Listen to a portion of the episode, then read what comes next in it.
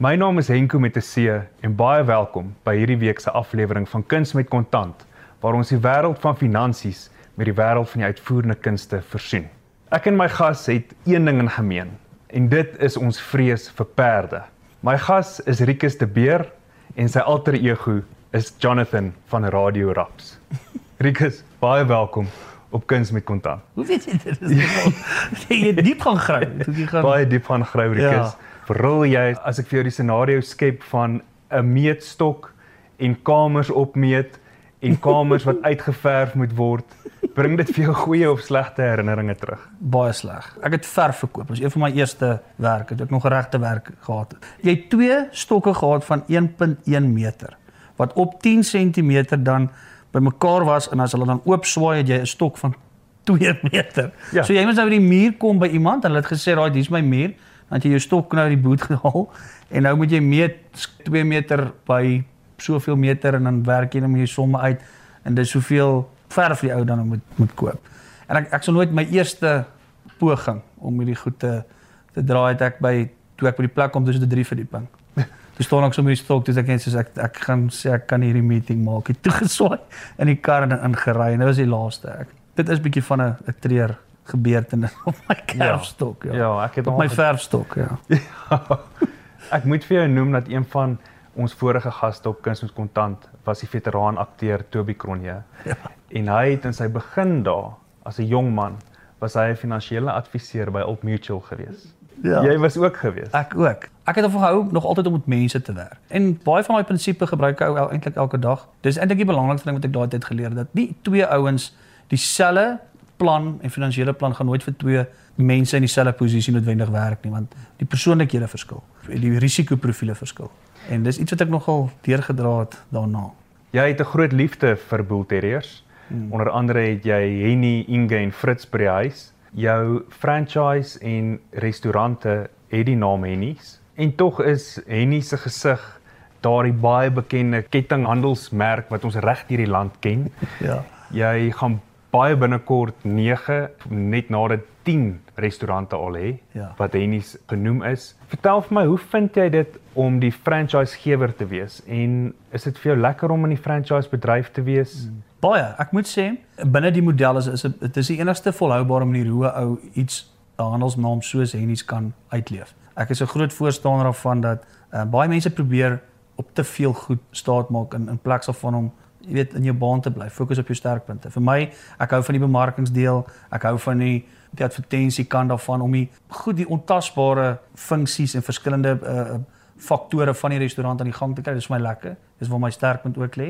En ander mense dalk in te kry wat meer fokus op op die meer administratiewe kant van die restaurant. Jy weet jou kontrole van jou van jou voorraad, daai tipe goed. Maar jy kan nie op albei fokus nie. Wat die franchise model uniek maak is jy kan ouens skry wat jy obviously jy weet jy 'n bietjie navorsing kyk dat almal die regte tipe ou is vir die die franchise. 'n Franchise partykeer jy weet dis maklik om in te koop in iets en in die begin is dit great en daarna sit jy en dan dink jy maar ek wil eintlik dit bietjie anders doen en op eie my eie manier doen en sulke tipe goed. En dit is dood natuurlik. Maar om om daai versoenbaarheid en daai middeweg te kry van jy weet jy ploeg met 'n ander ou se colours maar jy gee jou jy het jou eie bietjie uniekheid wat jy insit en op die ou einde werk dit want elke ou bly in sy baan en en uh, dra by tot sy sterkpunt, dan werk dit. Studies toon dat 1 uit 4 maatskappye wat in 'n jaar misluk, 'n franchise is. Dit maak sin want mense wil altyd die minste doen en die meeste daar uitkry.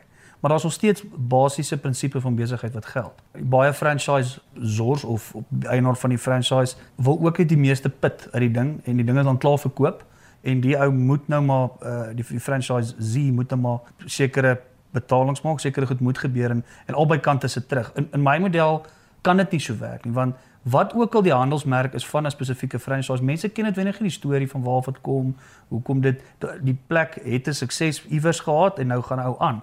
In my geval, Henny is my hond. Hy lê by my erf, hy hy kou my plakkies. So ja. mense gaan nie sê vir 'n ander ou en sê hoorie, jou Henny het misluk nie. Hulle gaan my e-mail en sê jou Henny het misluk. En ek dink dis die suksesverhaal. Ons kan nie toelaat dat uh die standaard van die rak afval. Jy, jy dis dis 'n persoonlike ding. Ek verkoop ontvlugting.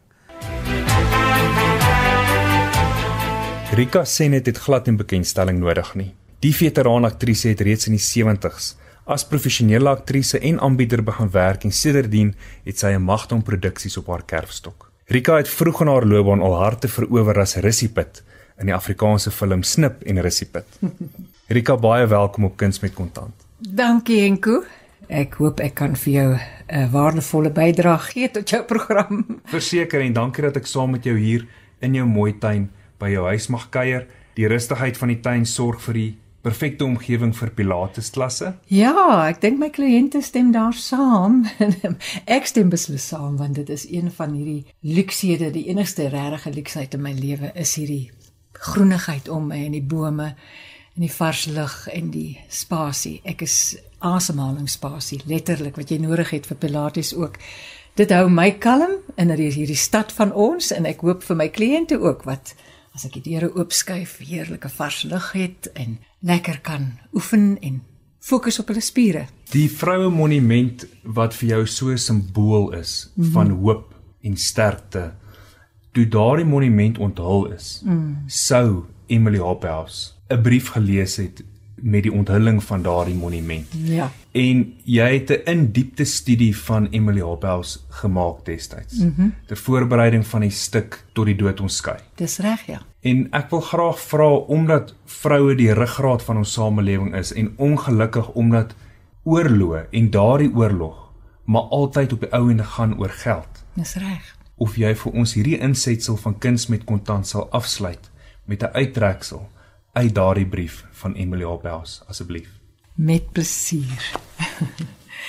Want dit is so versiende gewees destyds en dit is nog steeds versiende vir ons land heidaglik. Kom ja. ons luister nou na die trefkrag ja. vir vandag. Surely you're dead with the wisdom that is now theirs. Know this.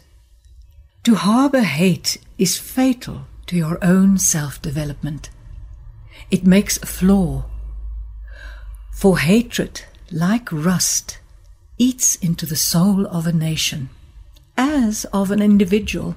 As your tribute to the dead, bury unforgiveness and bitterness at the foot of this monument forever. Instead, for you can afford it, the rich who were greedy of more riches, the statesmen who could not guide affairs, the bad generalship that warred on weaklings and babes, forgive, because so only can you rise to full nobility of character and a broad and noble national life. For what really matters is character. History clearly teaches this. Noble character forms a great nation. Hy het met die absolute minimum in Mitchells Plain groot geword, maar ongeag finansiële uitdagings het sy pa dit belangrik geag om hom as 'n klein seentjie na toneelopvoerings en musiekvertonings te neem. Dit wat Emma Adams destyds op die verhoog sien afspeel het, het nie net aan hom ontvlugting van sy eie uitdagende omstandighede gebied nie, maar dit was ook vir hom 'n duidelike rigtingwyser van waarheen hy eendag op pad sou wees, naamlik van die grootste verhoog in die wêreld. Vandag maak hy mense ryk deur vir hulle kontantnote te gee in ruil vir musieknote op noot vir noot. Emma Adams, baie welkom by Kuns met Kontant. Baie dankie Enko Menesie en wat 'n intro. Kom ek val met die deur in die huis. Waarin belê jy al daardie sakke vol geld wat jy maak? In my familie. My grootmoeder jare was, sal ek sê, ons het opgegroei in armoede en gewoonlik gooi daai mense die woord armoede in die ronde. Maar vir my beteken dit iets meer. Ek onthou ek het die neighbors se kinders se skoolklere gedra om skool toe te gaan want hulle was 'n jaar voor my. So ek moes dan die skoolklere dra die jaar nadat hulle dit klaar gedra het. So ons ken baie goed van armoede. So dit's weird vir my soms as mense sien net die sukses agter 'n naam of agter 'n brand. Baie mense sien nie hoe daardie sukses begin het nie en hoe hard jy gewerk het vir daai brand nie. Pre-COVID sê ek vir gesê dat ek het almal die geld net geïnvest in policies en property en sulke dinge maar toe kom COVID-19 en dit slaan vir ons en toe besef ek die een ding wat ek nie het nie weens almal die jare van werk en spaar is memories met my familie en toe all of a sudden change my denke van what is the point in having all this money if you're not going to make memories with it? en ek vind so mense is baie slim waar hulle hard werk vir 3 maande dan gaan hulle op 'n vakansie because hulle verstaan die balans van lewe Geld is belangrik, maar die balans van lewe is net so belangrik en ek dink dit is een ding wat ek gemis het want ek het my enigste doelwit was net I don't want to go back to being poor again. Ek wil altyd seker maak dat dat nie net het jou pa jou blootgestel aan die mooiste Afrikaanse musiek nie, maar te danke daaraan het jy toe ook later die serie uitgebring wat jy genoem het Tol Dalk in Afrikaans. 100%.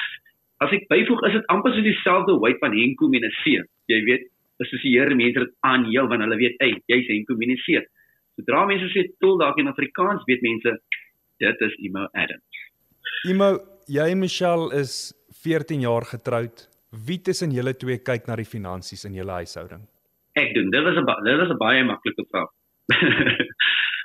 My vrou is nou al redelik goed met geld want sy somehow sy kry altyd specials. Sy weet hoe om 'n special los te slaan. Yesterday. jy kan vir 'n winkel te stuur met 5000 rand dan bring sy jou klere van 15000 rand. Dink jy net hoe die hel het jy dit gedoen? Want ek is old school. Ek is nog baie op die boek en ek skryf dinge af en ek like dit voor my alle expenses skryf ek onmiddellik neer sodat mense kan trek. Maar ek dink die grootste verlies oor hierdie hele tyd is moeilik om finansies te hanteer.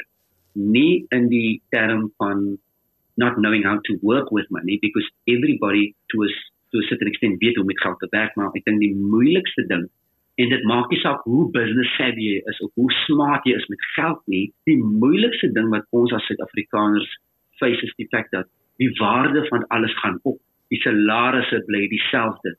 So die paai wat jy wel gesny het wat jy geweet het, okay, hierdie stukkie gaan daar, daardie stukkie dan moet jy nou 'n bietjie meer refine.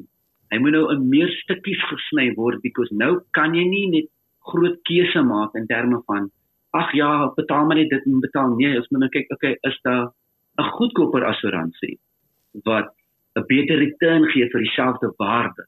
Is daar 'n policy wat 'n korttermyn maar gee langtermyn waarde. Imo baie dankie dat jy so lekker by my gekuier het op Kuns met Kontant en ons hou aan om vir jou getrou weekliks te kyk op noot vir noot.